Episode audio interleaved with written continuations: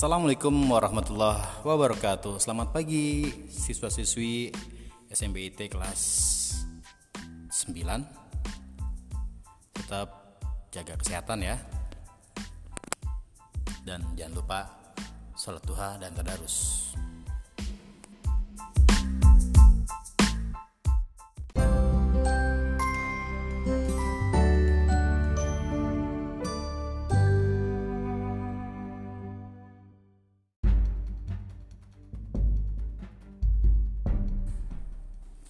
Baik anak-anak sebelum kita belajar Seperti biasa pembiasaan kita baca doa dulu. Bismillahirrahmanirrahim. Alhamdulillahirabbil alamin. Arrahmanirrahim. Maliki yaumiddin Iyyaka na'budu wa iyyaka nasta'in. Ihdinas siratal mustaqim. Shiratal ladzina an'amta 'alaihim ghairil maghdubi 'alaihim waladdallin آمين رضيت بالله ربا وبالإسلام دينا وبالمحمد نبيا ورسولا ربي زدني علما وارزقني فهما Ya Allah tambahkanlah ilmuku dan petinggilah kecerdasanku Amin Nah aku sekalian untuk hari ini pembelajaran pendidikan kewarganegaraan halaman 36 buku paket halaman 36 Yuk kita mulai. Bismillahirrahmanirrahim. Pokok pikiran pembukaan Undang-Undang Dasar Negara Republik Indonesia tahun 1945. Pada tanggal 3 Juli 1945, Muhammad Yamin, ini M itu arti Muhammad ya.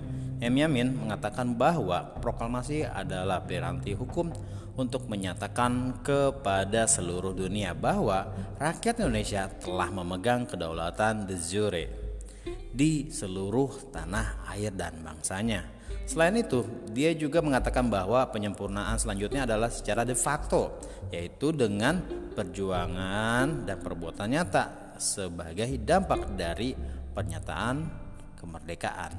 Adapun proklamasi termuat dalam alinea ketiga pembukaan Undang-Undang Dasar Negara Republik Indonesia tahun 1945. Oke, kita lanjut selanjutnya. Hakikat pokok pikiran pembukaan Undang-Undang Dasar Negara Republik Indonesia tahun 1945. Pokok pokok pikiran pertama.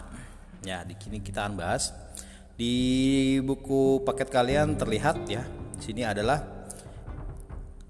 gedung kedutaan besar Indonesia di Kuala Lumpur, Malaysia. Ini ada di Malaysia ya tiap warga negara Indonesia yang berada di Malaysia dan memerlukan bantuan negara dapat datang ke kedutaan besar Indonesia tersebut. Jadi ketika ada WNI atau WNA itu memerlukan sesuatu, ada kendala sesuatu, itu bisa datang ke kedubes kedutaan besar ya di sini nih kalau uh, di Malaysia. Ini ada gambarnya.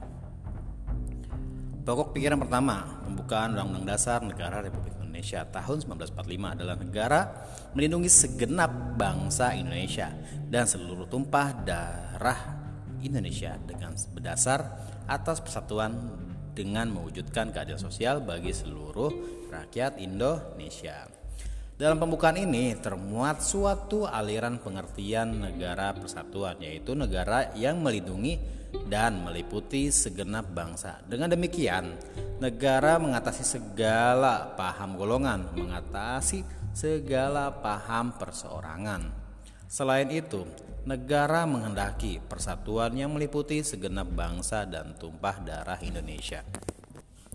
Adapun dalam pokok pikiran pertama ini terdapat kaitan dengan konsep negara kesatuan dapat dilihat dan dirasakan bahwa negara dan tiap warga negara Indonesia menghendaki persatuan dan kewajiban untuk mengutamakan kepentingan negara di atas kepentingan pribadi atau kelom kelompok. Jika diperhatikan, pokok pikiran pertama pembukaan Undang-Undang Dasar Negara Republik Indonesia tahun 1945 merupakan penjabaran dari sila ketiga Pancasila yaitu Persatuan Indonesia. Oke. Berikut beberapa contoh pasal yang merupakan penjelmaan dari sila ketiga. yang merupakan sumber dari pokok pikiran pertama pembukaan Undang-Undang Dasar Negara Republik Indonesia tahun 1945. Nah, di sini dijelaskan ya, ada pasal 1 ayat 1. Negara Indonesia ialah negara kesatuan yang berbentuk repu republik. Ini harus tahu ya. Pasal 1 ayat 1. Pasal 18 ayat 1. Negara Kesatuan Republik Indonesia dibagi atas daerah-daerah provinsi dan daerah provinsi itu dibagi lagi atas kabupaten. Jadi ada pembagian lagi ya, ada kabupaten dan kota yang tiap-tiap provinsi, kabupaten dan kota itu mempunyai pemerintahan daerah yang diatur oleh undang-undang. Jadi di negara kita ini ada pembagiannya. Kalau provinsi kita apa? Provinsi Ban Banten. Kotanya apa? Kota Tangerang gubernurnya siapa? Pak Wahidin Halim. Wali kotanya? Pak Arif Mansah lanjut dua, uh, pasal 27 ayat 3 setiap warga negara berhak dan wajib ikut serta dalam upaya pembelaan negara. Ya di sini dikatakan ikut bela negara. Kalau dulu ada namanya penjajahan kita wajib bela negara. Dengan cara ikut berperang berperan aktif. Kalau sekarang kita berperan aktif dalam bidang prestasi pendidikan karena kalian adalah siswa yang sedang belajar kalian berprestasi di sini aja bisa dari perlombaan-perlombaan si game dan sebagainya itu lo luar biasa itu termasuk bela negara untuk mengharumkan nama baik Indonesia di kancah mancanegara. Mantap kan? Kita lanjut. Pasal 30 ayat 1. Tiap-tiap warga negara berhak dan wajib ikut serta dalam usaha pemerintahan dan keamanan negara. Selanjutnya adalah Pasal 30 ayat 3. Tentara Nasional Indonesia terdiri pertama ada Angkatan Darat, Angkatan Laut, dan Angkatan Udara sebagai alat negara bertugas mempertahankan, melindungi dan memelihara keutuhan dan kedaulatan negara. Jadi kalau TNI itu e, berfungsi untuk menjaga kedaulatan, jadi biar tidak terpisah-pisah. Kalau sekarang, eh, kalau sekarang tahun 19 1999 itu TNI sudah mengupayakan agar Indonesia tetap gabung. Dalam hal ini yang sudah keluar dari Indonesia adalah Timor Timur. Timor Timur itu sudah pisah. Itu tadinya di Indonesia dia memisahkan diri. Jangan sampai negara eh kepulauan lain membentuk negara baru hmm, jangan sampai ya NKRI harga mati Baik, kita masuk ke pasal 35. Bendera negara Indonesia ialah sang merah putih, tidak boleh diganti-ganti, ditambah-tambahin atau dibulak-balik dan sebagainya. Tidak boleh. Pasal 36A, lambang negara ialah Garuda Pancasila dengan semboyan Bhinneka Tunggal Ika yang artinya walaupun berbeda-beda tetap satu jua. Pasal 36B, lagu kebangsaan ialah Indonesia Raya.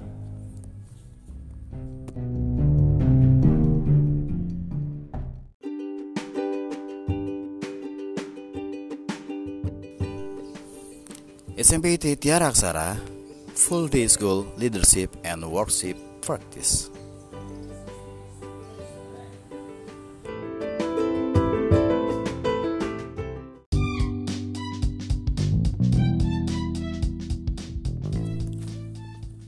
Alhamdulillah materi untuk hari ini selesai.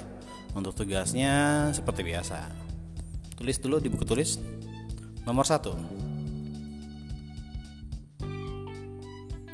apa yang dimaksud dengan de jure dan de facto? Nomor satu apa yang dimaksud dengan de jure dan de facto? Nomor dua.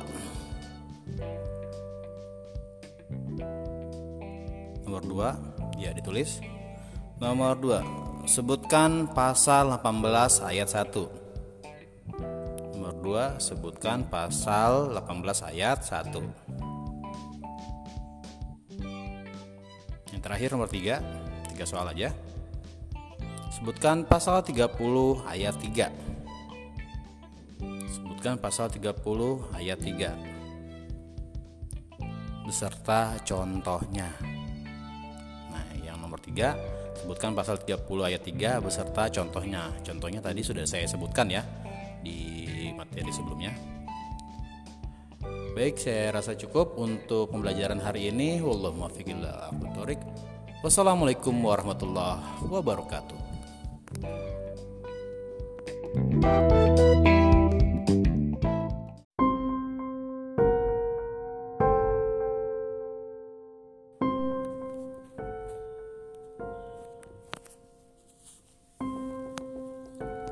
Baik, untuk hari ini berita tentang mendaki gunung Noki Lalaki ditemukan di seberang sungai. Tolong tiga hari saya gak makan. Berita ini disebarkan di Instagram Montenesia.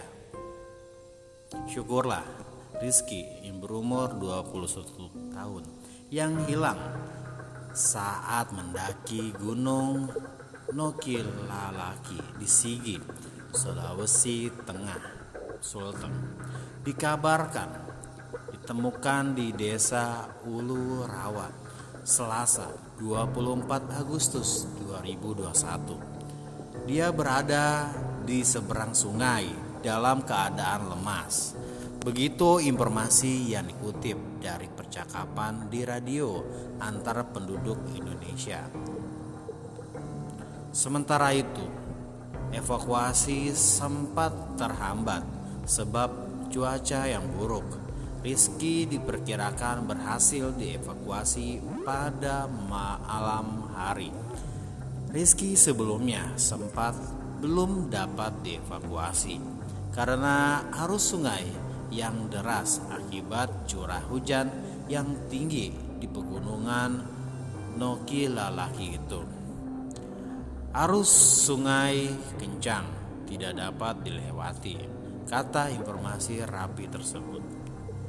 Staf Basarnas Palu Dwi Nurul Utami menjelaskan pemuda yang diduga pendaki yang hilang ditemukan pada jam 10 pagi. Dari informasi korban tersebut minta tolong katanya sudah tiga hari tidak makan. Jelas Utami. Rizky diketahui hilang kontak dengan temannya pada hari Minggu siang ia memulai pendakian seorang diri dari shelter satu menuju puncak. Keberadaan Rizky itu sebelumnya pertama kali diketahui oleh sadrat warga di desa Sopu. Ia ditemukan di pinggir sungai, tepatnya di daerah arah barat Laut Gunung Noki Lalaki. Terima kasih relawan dan seluruh jajaran yang membantu. Sumber ini dirangkum oleh Montenesia dari kabar celebes.co.id dan sultang.poskota.id.